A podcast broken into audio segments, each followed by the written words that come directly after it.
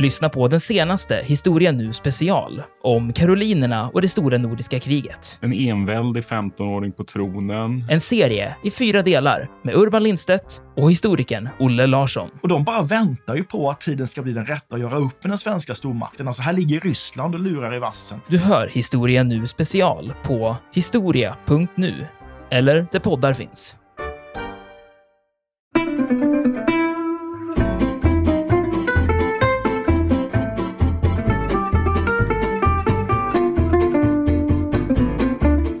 Hans våning i centrala Paris blir då en slags fristad då för de engelska protestanterna som befann sig i staden under de här dagarna. Dessutom så ser han ju det även då franska hugenotter, protestanter, som gömmer sig i hans hem. Walsingham själv är fredad för han är diplomatiskt sändebud och det gäller ju också för engelska undersåtar. Men det är franska hugenotter som befinner sig i hans hem som dras ut på gatorna och lynchas. Så det här blir ju verkligen traumatiskt för, för Walsingham.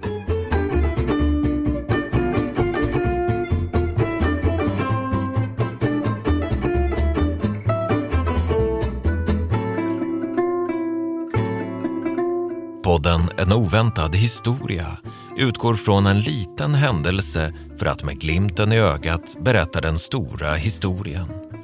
Programledare är historikerna Olle Larsson och Andreas Marklund.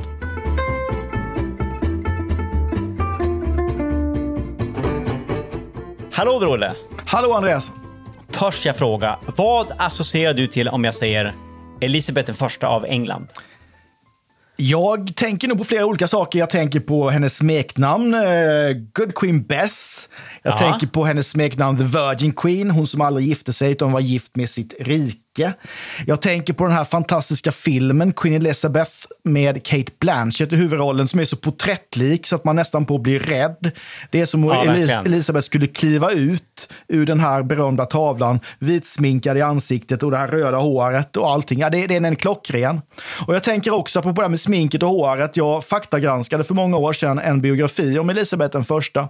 Och eh, det som jag inte visste då, det var ju då hur hårt sminkad hon var. Alltså det här med att hon använde bly och kvicksilver, för att hon får ju inte åldras, liksom. det förtar ju bilden av The Virgin Queen. Så någon hade ju sett henne utan smink och peruk och blev ju svårartat chockad av detta. för det var, ja, det var, det var långt ifrån den, den, den offentliga verklighet som visades upp. Men så tänker jag också då naturligtvis på Erik den XIVs frieri till Elisabeth. Ja, det, ja. Där han då får nobben, men hon tycker att han har snygga vader. Och vi har ju pratat om renässansens vader tidigare, så det kan vi lämna det här ja, ja, ja. Absolut, alltså, men det, det, det ska vi komma ihåg när vi pratar om det här. Det, det, det är många snygga vader och män in tights i bakgrunden. Men alltså själv då? Jag associerar då... Förut, jag vill bara säga att jag har faktiskt läst den där boken tror jag som du faktagranskade. Den var väldigt bra. Det var alltså en biografi om Elizabeth den första av en engelsk Ja, historiker. ja. Va? ja, just det. Bra, men alltså jag associerar då bland annat till eh, William Shakespeare och hans berättelser på gott och ont. Jag har ett ganska kluvet förhållande till Shakespeare som jag kan prata om en annan gång. Det är lite så hat och kärlek. Mm, däremot har jag då ett, ett väldigt varmt och kärleksfullt förhållande då till eh, diverse dramatiska berättelser från den historiska verkligheten som har med den här perioden att göra. Till exempel berättelserna om Sir Francis Drake, om den oövervinnliga spanska armadan och inte minst om Elisabeth den första själv, eller jungfrudrottningen som hon ju också kallades, vilket du var inne på. Vi har ju pratat en hel del om renässansfurstar i det här programmet. Och Elisabeth var väl på många sätt den, den ultimativa renässansfursten, eller renässansfurstinnan. Alltså hon var ju kultiverad, hon var klok, hon var beläst. Allt det här framgår ju av den här filmen som är ett mästerverk. Eh, hon var ju ömsom tolerant, empatisk och väldigt mänsklig. Men hon kunde också vara brutal och en fullständigt hänsynslös maktspelare. Och så var hon ju en överlevare. Alltså då hon gick ur tiden där i nådens år 1603 så hade ju hon varit regerande drottning i nästan 44 år. Alltså sen, sen 1558.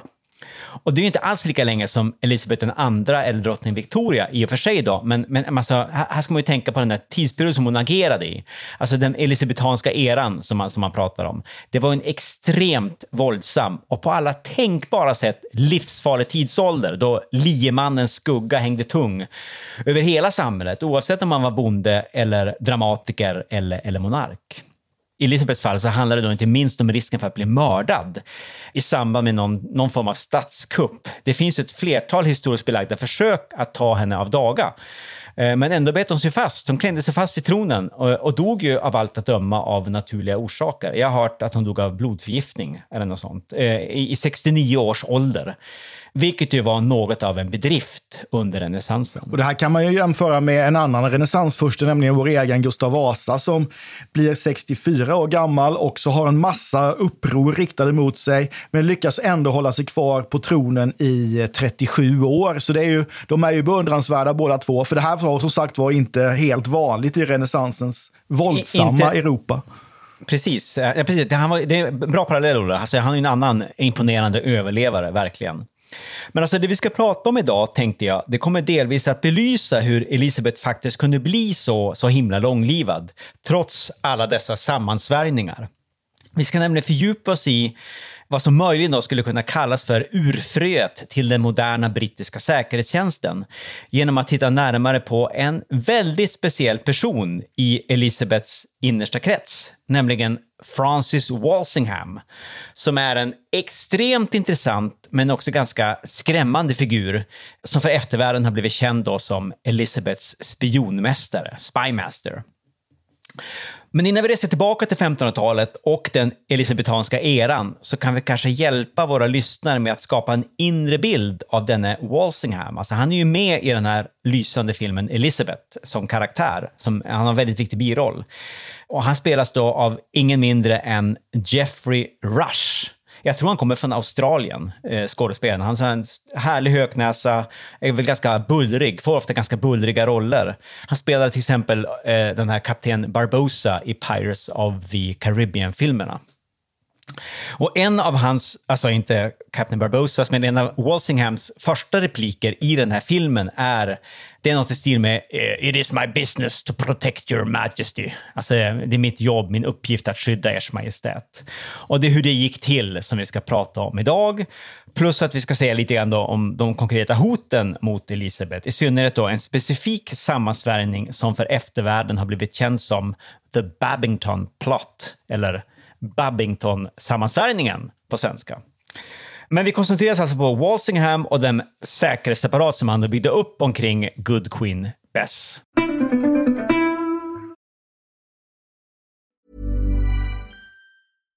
One size fits all seemed like a good idea for clothes Nice dress. Uh, it's a it's a t-shirt. until you tried it on. Same goes for your healthcare. That's why United Healthcare offers a variety of flexible, budget friendly coverage for medical, vision, dental, and more. So, whether you're between jobs, coming off a parent's plan, or even missed open enrollment, you can find the plan that fits you best. Find out more about United Healthcare coverage at uh1.com. That's uh1.com. I'm Sandra, and I'm just the professional your small business was looking for. But you didn't hire me because you didn't use LinkedIn jobs. LinkedIn has professionals you can't find anywhere else, including those who aren't actively looking for a new job but might be open to the perfect role, like me. In a given month, over 70% of LinkedIn users don't visit other leading job sites. So if you're not looking on LinkedIn, you'll miss out on great candidates like Sandra. Start hiring professionals like a professional. Post your free job on linkedin.com/people today. There's never been a faster or easier way to start your weight loss journey than with PlushCare. PlushCare accepts most insurance plans and gives you online access to board-certified physicians who can prescribe FDA-approved weight loss medications like Wigovi and Zepbound for those who qualify. Take charge of your health and speak with a board-certified physician about a weight loss plan that's right for you. Get started today at plushcare.com slash weight loss. That's plushcare.com slash weight loss. plushcare.com slash weight loss.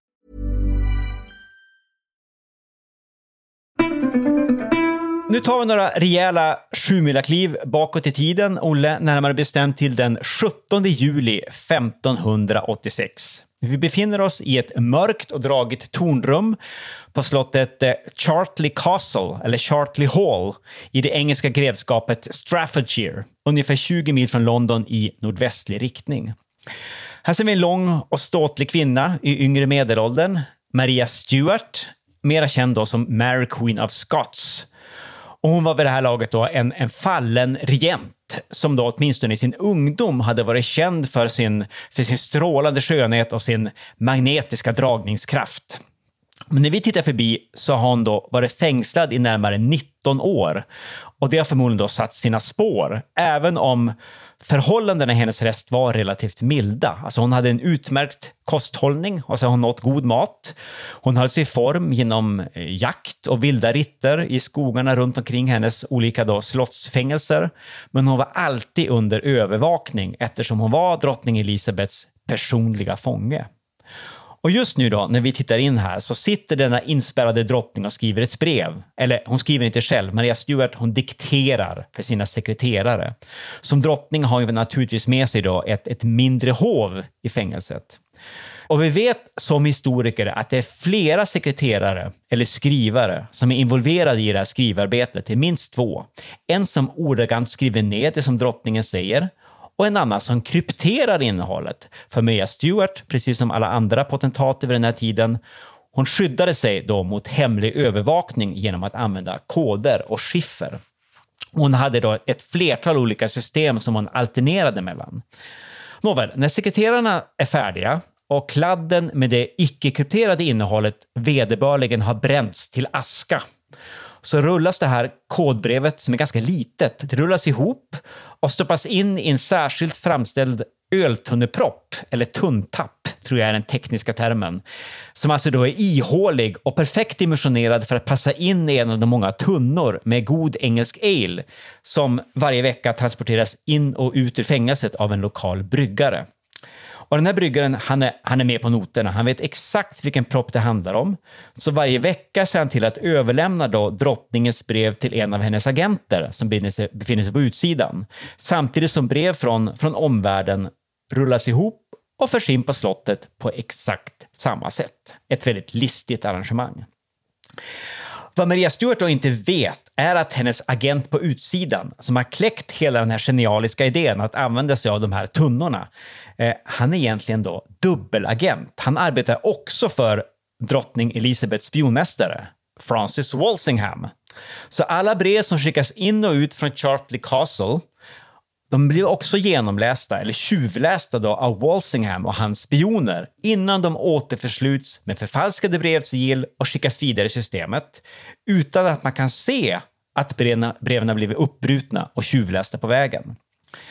Men att de här breven då ofta är krypterade, det är inget problem för Walsingham, för han har en utmärkt kodknäckare vid sin sida som heter Thomas Philippes. Han har handplockats direkt från universitetet i Cambridge. Han är ännu en av dessa språkbegåvade humanister som knäcker koder och skiffer och rebusar på löpande band. Så det är hos Felipes som det här brevet hamnar. Alltså det här som Maria Stuart dikterar för sin skrivare, eller sina skrivare, den, den 17 juli 1586. Koden är hemmasnickrad och Felipes har redan stiftat bekantskap med den eftersom ett kodbrev då i samma krypto, alltså som följde samma logik, hade använt veckan innan till drottningen från någon på utsidan som ville ja, kommunicera med Maria Stuart av någon anledning. Och Maria Stuarts kodbrev är ett svar på det här första brevet och det innehåll då som Felipes lyckas frigöra bokstav för bokstav är i sanning av det, av det saftiga slaget. Det är så pass saftigt och graverande att Felipes ritar en galge på utsidan av brevet innan då han skickar det, originalet och sin egen översättning då, direkt till Walsingham. Så det här brevet har då blivit känt som The Gallows Letter, galgbrevet. Ett begrepp då som i vissa elisabetinska nördkretsar, vad man ska säga. I vissa kretsar har det här blivit ungefär lika laddat då som första världskriget Zimmerman Telegram. Eller varför inte då Le Petit Bleu från Dreyfusaffären som vi också har pratat om.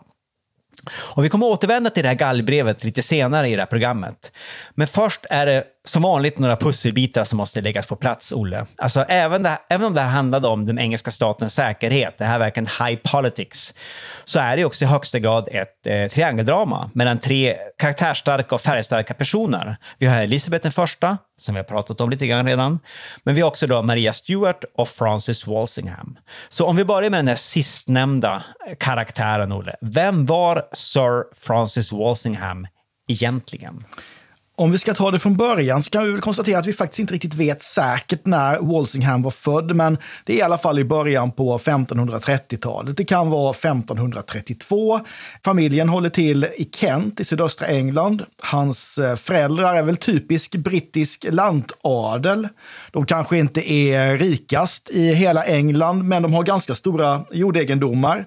Och framför allt så har de ju goda kontakter och de har vackra titlar titlar som är kopplade då till den engelske kungens hov.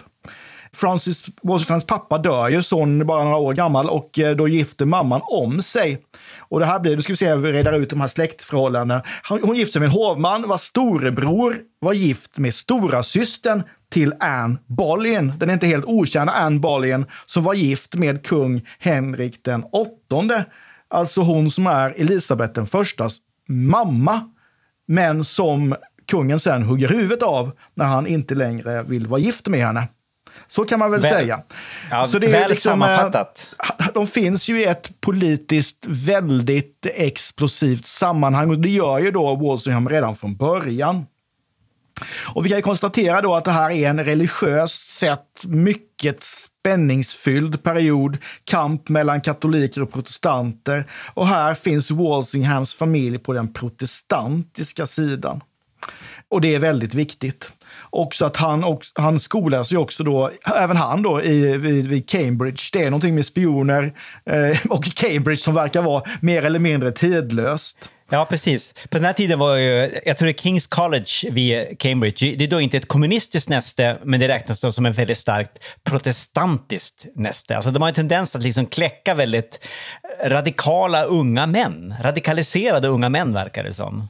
Och precis som några andra sådana här spionmästare vi har pratat om så har jag, de här, har jag även Walsingham med någon slags utlandserfarenhet i form av en bildningsresa.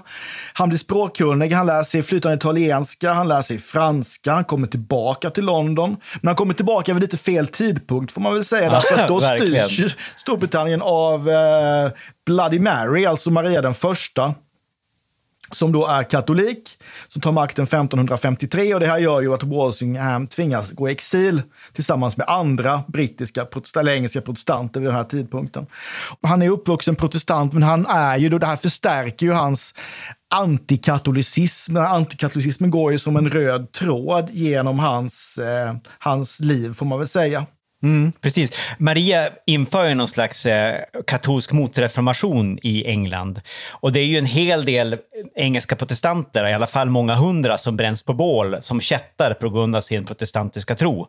Eh, och det, det, det, blir som en, en, en, formativ, traumatisk upplevelse för, för, för, för Walsingham. Alltså han vet vad som händer, vad som kan hända om katolikerna får makten. Men sen återvänder han ju till England. Visst gör han det? Ja, han kommer ju tillbaka då. Då, då är det, det är ju bra tajmat, för det, då är ju året 1558, då är Elisabeth eh, regerande drottning. Och nu gör han ju karriär inom den engelska statsapparaten. Han kommer in i parlamentet, han eh, helt enkelt knyts allt närmare makten. Och återigen då, hans, det verkar som att nästan på han har ett kall i sitt liv och det är bekämpa den katolska ärkefienden som han då betraktar som ett, på goda grunder får man väl säga i det här, ur ett engelskt perspektiv, protestantiskt perspektiv i den här tidpunkten, som ett dödligt hot faktiskt.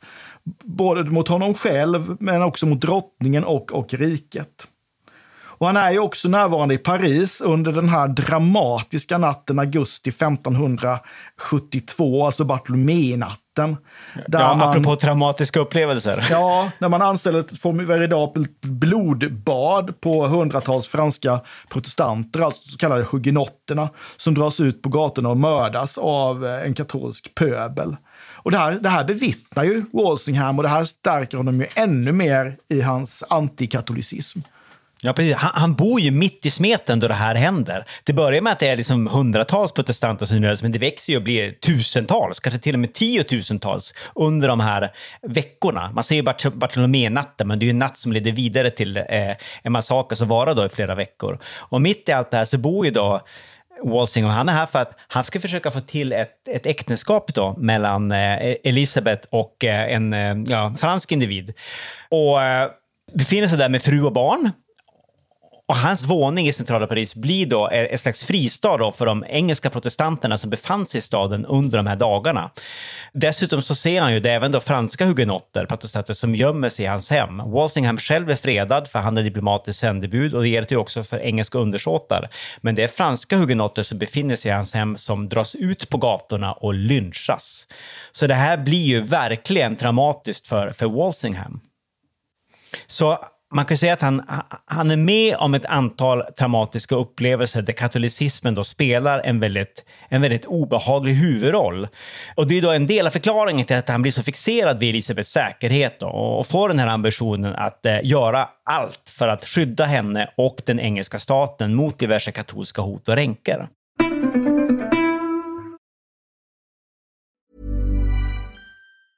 A lot can happen in three years, like a chatbot may be your new best friend. But what won't change? Needing health insurance. United Healthcare Tri Term Medical Plans, underwritten by Golden Rule Insurance Company, offer flexible, budget friendly coverage that lasts nearly three years in some states. Learn more at uh1.com. Everyone knows therapy is great for solving problems, but getting therapy has its own problems too, like finding the right therapist, fitting into their schedule, and of course, the cost. Well, BetterHelp can solve those problems. It's totally online and built around your schedule. It's surprisingly affordable too. Connect with a credentialed therapist by phone, video, or online chat, all from the comfort of your home. Visit betterhelp.com to learn more and save 10% on your first month. That's BetterHelp, H E L P. Life is full of awesome what ifs, and some not so much, like unexpected medical costs. That's why United Healthcare provides Health Protector Guard fixed indemnity insurance plans to supplement your primary plan and help manage out of pocket costs. Learn more at uh1.com.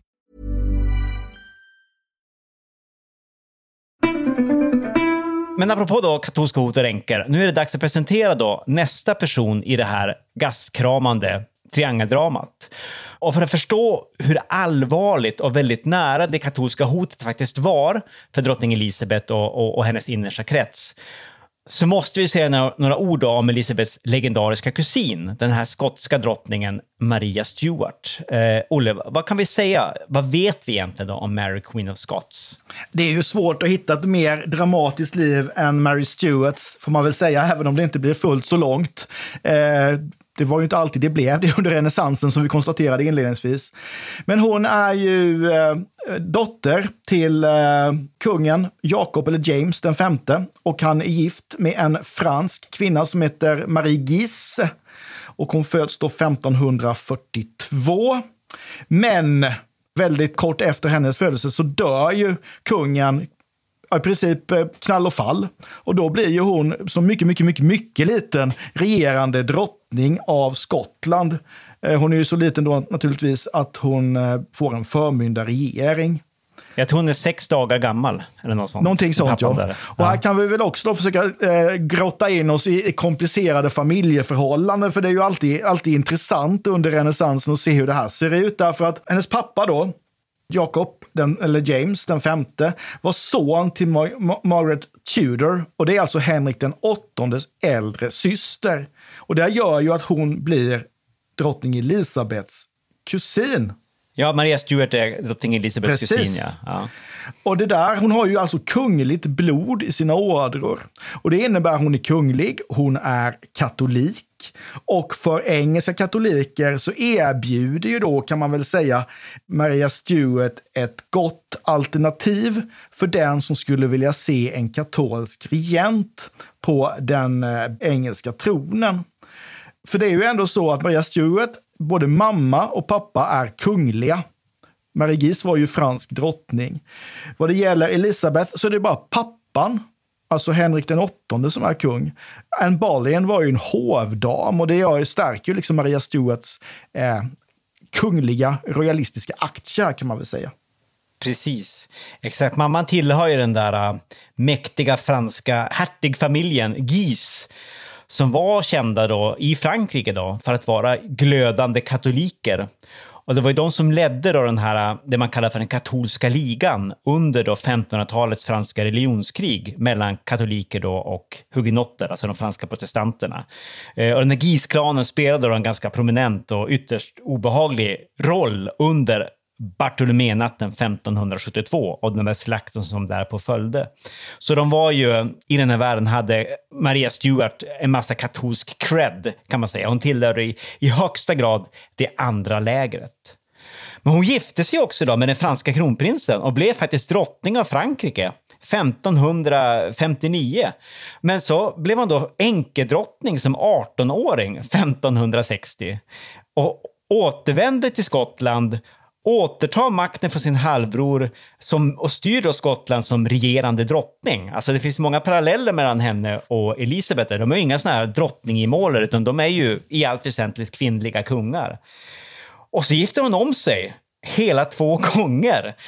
Faktiskt då. Och det, det är jättespännande det här. Det kan man läsa om i den där biografin som du var faktagranskare eh, på. Alltså det handlar om Elisabeth, men eh, deras, hennes liv, Elisabeths liv är ju sammanflätat med Maria Stuarts på ett väldigt nära sätt. 1568 bryter ut ett uppror mot Maria Stuart i Skottland. Delvis på grund av att den skotska adeln opponerade sig mot hennes tredje äktenskap. För maken nummer två, som var en väldigt högättad engelsk adelsman, han hade dött en allt annat än naturlig död. Alltså hans hus hade sprängts i luften. Det är inte enkelt. speciellt naturligt, nej. Nej, det var, det var några kruttunnor involverade och man hittade liksom hans kvarlevor i träd en bit därifrån.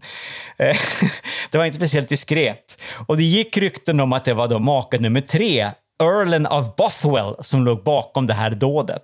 Så det såg inte så bra ut, för det snackades också om att han skulle bli då samregent med en mördare då, skulle bli samregent då med, med eh, den regerande drottningen efter det här. Så det blev uppror. Maria tvingades abdikera till förmån för sin ettårige son Jakob den sjätte. I parentes, det var han som senare blev engelsk kung. Det kan vi prata om i ett annat avsnitt. Och, och, i alla fall, hon fängslades i Maria. Hon lyckades fly dock och hamnade i England. Men här arresterades hon ganska omedelbart och spärrades in tillsammans med sitt hov på olika slottsfängelser då, runt omkring i England. Först på det här Carlisle Castle som ligger ganska långt norrut. Men sen då på en lång rad, eh, alltså det är massa olika flådiga adresser innan hon till sist hamnade på det här Chartley Castle som vi pratade om i början av det här avsnittet. Men alltså, vi har varit lite inne på det här eh, tidigare. På vilket sätt blev hon farlig då? Hon blev ju väldigt farlig ur den katolska eh, förlåt, ur den brittiska kronans perspektiv. Alltså inte minst då enligt Sir Francis Walsingham. Vad, var det som hände? Vad var problemet? det är väl egentligen eh, två saker. Det ena är att hon är katolik och det här i kombination med att hon faktiskt då är kunglig gör ju att hon kan, som jag nämnde tidigare, hon är ju ett alternativ till den brittiska kronan i händelse av att man kan lyckas ersätta eh, eh, avsätta Elisabet. Och det är ju det de brittiska katolikerna, skulle, eller de engelska katolikerna skulle gärna se henne som en, en, en, ny drottning. Och det gör ju att hon är politiskt farlig, eh, alltså rent inrikespolitiskt. Men samtidigt då, en, en katolsk kunglighet i England är ju också intressant för britternas utrikes fiender. Alltså jag tänker på Spanien, jag tänker på Frankrike, men jag tänker också då att eh, även påven i Rom skulle gärna se en katolsk drottning på den engelska tronen. Och det här gör ju att hon blir ett säkerhets säkerhetspolitiskt problem som på något vis måste lösas. Mm. Ja, påven bannlyser ju till och med Elisabet 1570. Det är ju helt bisarrt. Alltså, det är en, en påvebulla som har det fantastiska namnet Regnans in excelsis. Där då påve Pius V fördömer den engelska drottningen som kättare och dessutom då uttryckligen befriar alla engelska undersåtar från deras trohetslöfte till henne. Och samtidigt som man också skriver att alla som då förblir trogna gentemot Elisabeth, de, de, de blir själva kättare, precis som, som eh, Elisabeth. Och det här var ju naturligtvis sprängfarligt, alltså en extremt bekymmersam situation ur ett säkerhetspolitiskt perspektiv. För redan då 1569, alltså året före den här regnans in excelsis, året innan bannlysningen, så var var det då några katolska grevar i norra England som hade startat ett ganska omfattande inbördeskrigsliknande uppror som i historieböckerna kallas för The Northern Rebellion, alltså mot engelska kronan. Det krossades då ganska brutalt av Elisabeths styrkor till, till, till priset av då tusentals människoliv.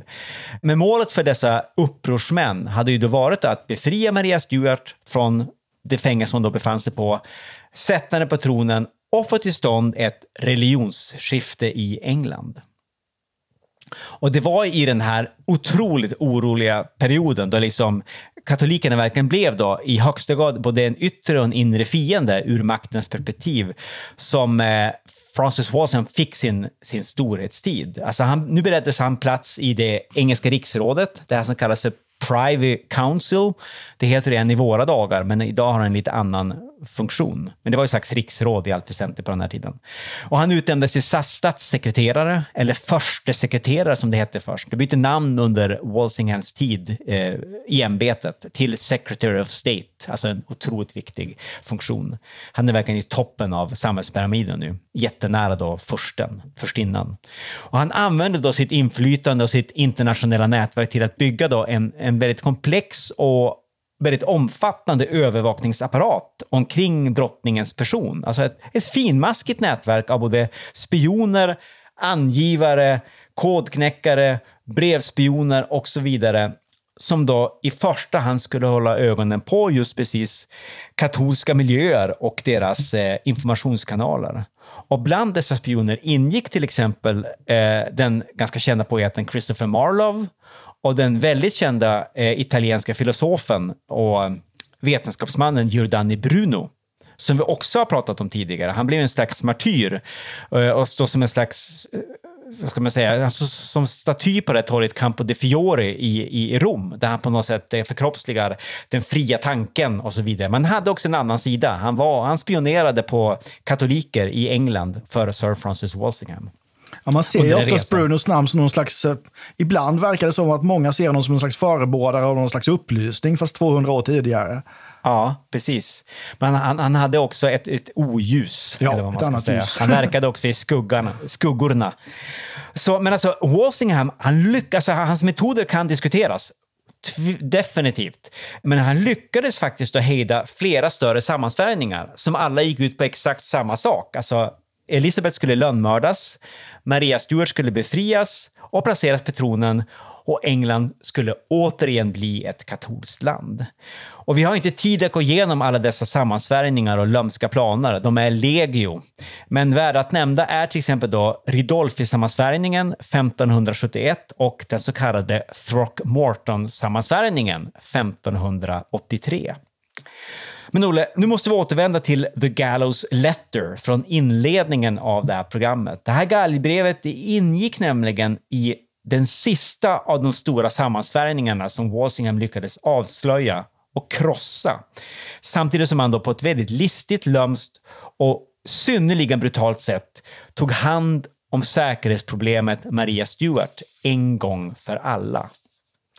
För det här komprometterande brevet med galgen på, det ingick nämligen då i en, i en begynnande brevväxling mellan Maria Stuart och en ung katolsk adelsman vid namn Anthony Babington, som kort dessförinnan hade tagit kontakt med Maria Stuart via då den franske envoyén, eller ambassadören i London, som var ett slags knutpunkt för all kommunikation mellan Maria Stuart och omvärlden. Och allt det här övervakades naturligtvis av Walsinghams spioner. De läste alla brev, i princip, utan att de involverade aktörerna visste om det. Och det Babington då skrev i sitt starkt krypterade inledande presentationsbrev, det var att han ingick i en liten tajt grupp med påvetrogna engelska adelsmän som dels hade flera hundra anhängare på olika platser i England, dels hade väldigt konkreta planer på att befria Maria och ta Elisabeth av daga genom ett lönnmord. Om jag inte missminner mig, för det är, så, det är väldigt många olika sammansvärjningar att hålla reda på, men jag tror att planen här var att Elisabeth skulle överfallas och huggas ihjäl med dolk eh, i samband med att hon tog då sin dagliga promenad i någon av sina många slottsträdgårdar. Och i sitt brev skrev då Babington att det var sex gentlemen som alla var hans privata vänner som skulle utföra eh, attentatet. Det var sex folk som hade tillgång till hovet och kretsarna omkring Elisabeth. Och det, det som var så komprometterande med Maria Stuarts svarsbrev som fick den här kodknäckaren att rita galgen på, på omslaget, det var att hon, hon godkände planen. Hon gav tummen upp till Babingtons plan och hon skrev till och med då i ganska oförblommerande eh, ordalag att det var dags att gå igång nu med det här attentatet. Set the six gentlemen to work, skrev hon. Bokstavligt talat. Hon var liksom lite otålig. Kunde man Det är en nästan säga. härlig formulering i sammanhanget Ja, faktiskt. verkligen. Ja. Och liksom det här med The gentlemen, men det känns work, väldigt... ja.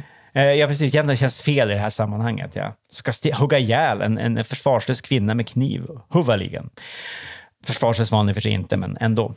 Walsinger, han blev i alla fall överlycklig när han fick det här brevet i händerna eftersom han, han hade nu det här bevismaterialet som han behövde för att få Maria Stuart dömd och avrättad för högförräderi. Men för säkerhets skull så såg han till att det tillfördes ett, ett falskt PS i Maria Stuarts kodbrev där man då i krypterad form bad Babington om namnen på övriga konspiratörer, inklusive de här sex herrarna som skulle utföra själva mordet. Men det är möjligt att han var lite väl ivrig här, eh, att det var lite klumpigt utfört, för någonting fick Babington att fatta misstanke och gå under jorden. Men ändå efter några veckors jakt så lyckades man fånga in hela det här gänget, eh, hela den här konspirationen. De infångades av Walsinghams agenter, ställdes inför rätta och avrättades redan då i september 1586, ganska snabbt efter infångandet. Och på ett väldigt brutalt sätt, ska vi kanske säga då, inför publik. Alltså avrättningsmetoden kallas för hanged, drawn and quartered. Och det är en väldigt anrik engelsk avrättningsmetod som är särskilt reserverad för kategorin högförräderi. Och jag tänker inte gå in på detaljer här, det skulle vara osmakligt.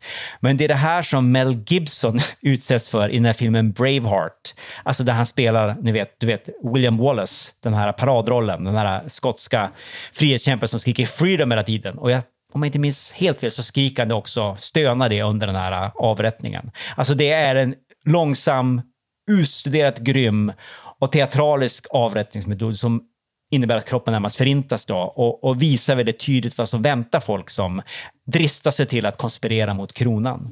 Jag tänkte vi kan väl lägga till här, för jag läste din fantastiska bok om övervakningshistoria för ett tag sedan. Ja, och just att, att Walsing, han var ju inte helt främmande för att, att förhöra människor under tortyr.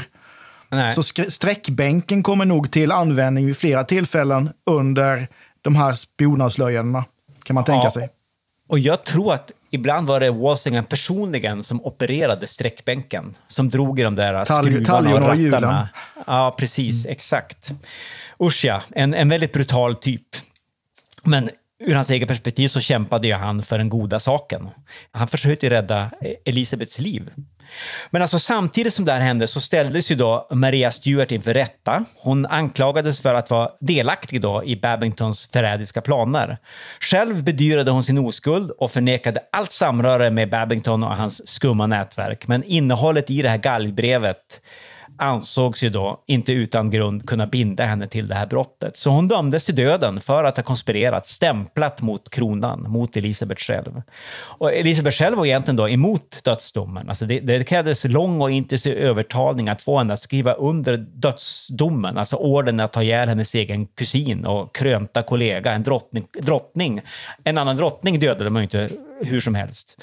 Det är lite oklart vad hon då hade för alternativ själv, alltså om hon bara hade ångest i största allmänhet, eller om hon kanske hoppades att man skulle kunna fortsätta hålla henne inspärrad, alltså kusinen inspärrad, eller kanske skicka henne tillbaka till Skottland eller något sånt. Men den 8 februari 1587 så avrättades då Mary Queen of Scots genom halshuggning på Fotheringhay Castle i grevskapet Northamptonshire i, i mellersta England. Olle, jag kan inte motstå frestelsen att ställa en kontrafaktisk fråga här. Alltså, vad hade kunnat hända om någon av dessa sammansvärjningar faktiskt hade lyckats? Alltså om Elisabeth hade röjts ur vägen och England återigen hade blivit ett katolskt rike under Maria Stuarts ledning. Alltså hur hade det kunnat påverka Englands eller Europas utveckling under den, den tidigmoderna perioden? Det är en mycket spännande och mycket svår fråga. Det beror också på hur länge hon hade lyckats hålla sig kvar vid makten. Hade, hade Storbritannien fortsatt, eller England fortsatt vara, vara eh, katolskt, låt säga in på 1600-talet, så är det ju inte helt orimligt att vi har haft helt olika och andra maktkonstellationer under 30-åriga kriget. Och därmed kunde det kriget ha gått eh, på ett annat sätt än vad det gjorde. Sverige kanske inte hade blivit stormakt. Vem vet? Nej. Jättespännande. Alltså de kontrafaktiska perspektiven är som alltid hisnande. Men du, men jag känner att eh, för att eh, vad ska man säga, parafrasera min gamla fiende, på att säga, William Shakespeare, att tiden är ur led, så är det ofta. Så eh, låt oss säga tack och farväl och på återseende. Tack Andreas, ha det gott. Hej! Vi ses. Hej då! Vi tackar programledarna Olle Larsson och Andreas Marklund. Kontakta gärna Olle och Andreas på ovantad.historia.nu. Vi läser allt, men hinner kanske inte alltid svara.